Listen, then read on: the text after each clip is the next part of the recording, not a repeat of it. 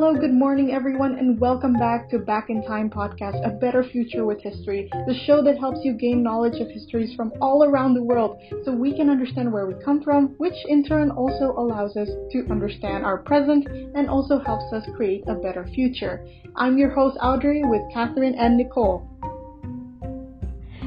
Yes, me, Audrey, and Kathleen together we are going to talk about interesting events that happened throughout history on this special day.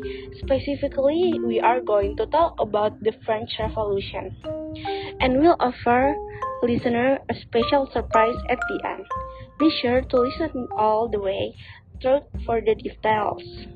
Anyway, back in History Podcast, it's sponsored by Audible.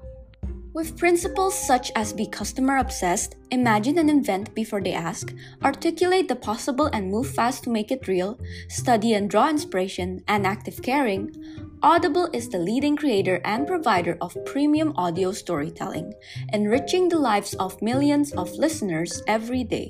Audible has 80,000 hours of audio programs from 270 content partners that include leading audiobook publishers, broadcasters, entertainers, magazine and newspaper publisher, and business information providers.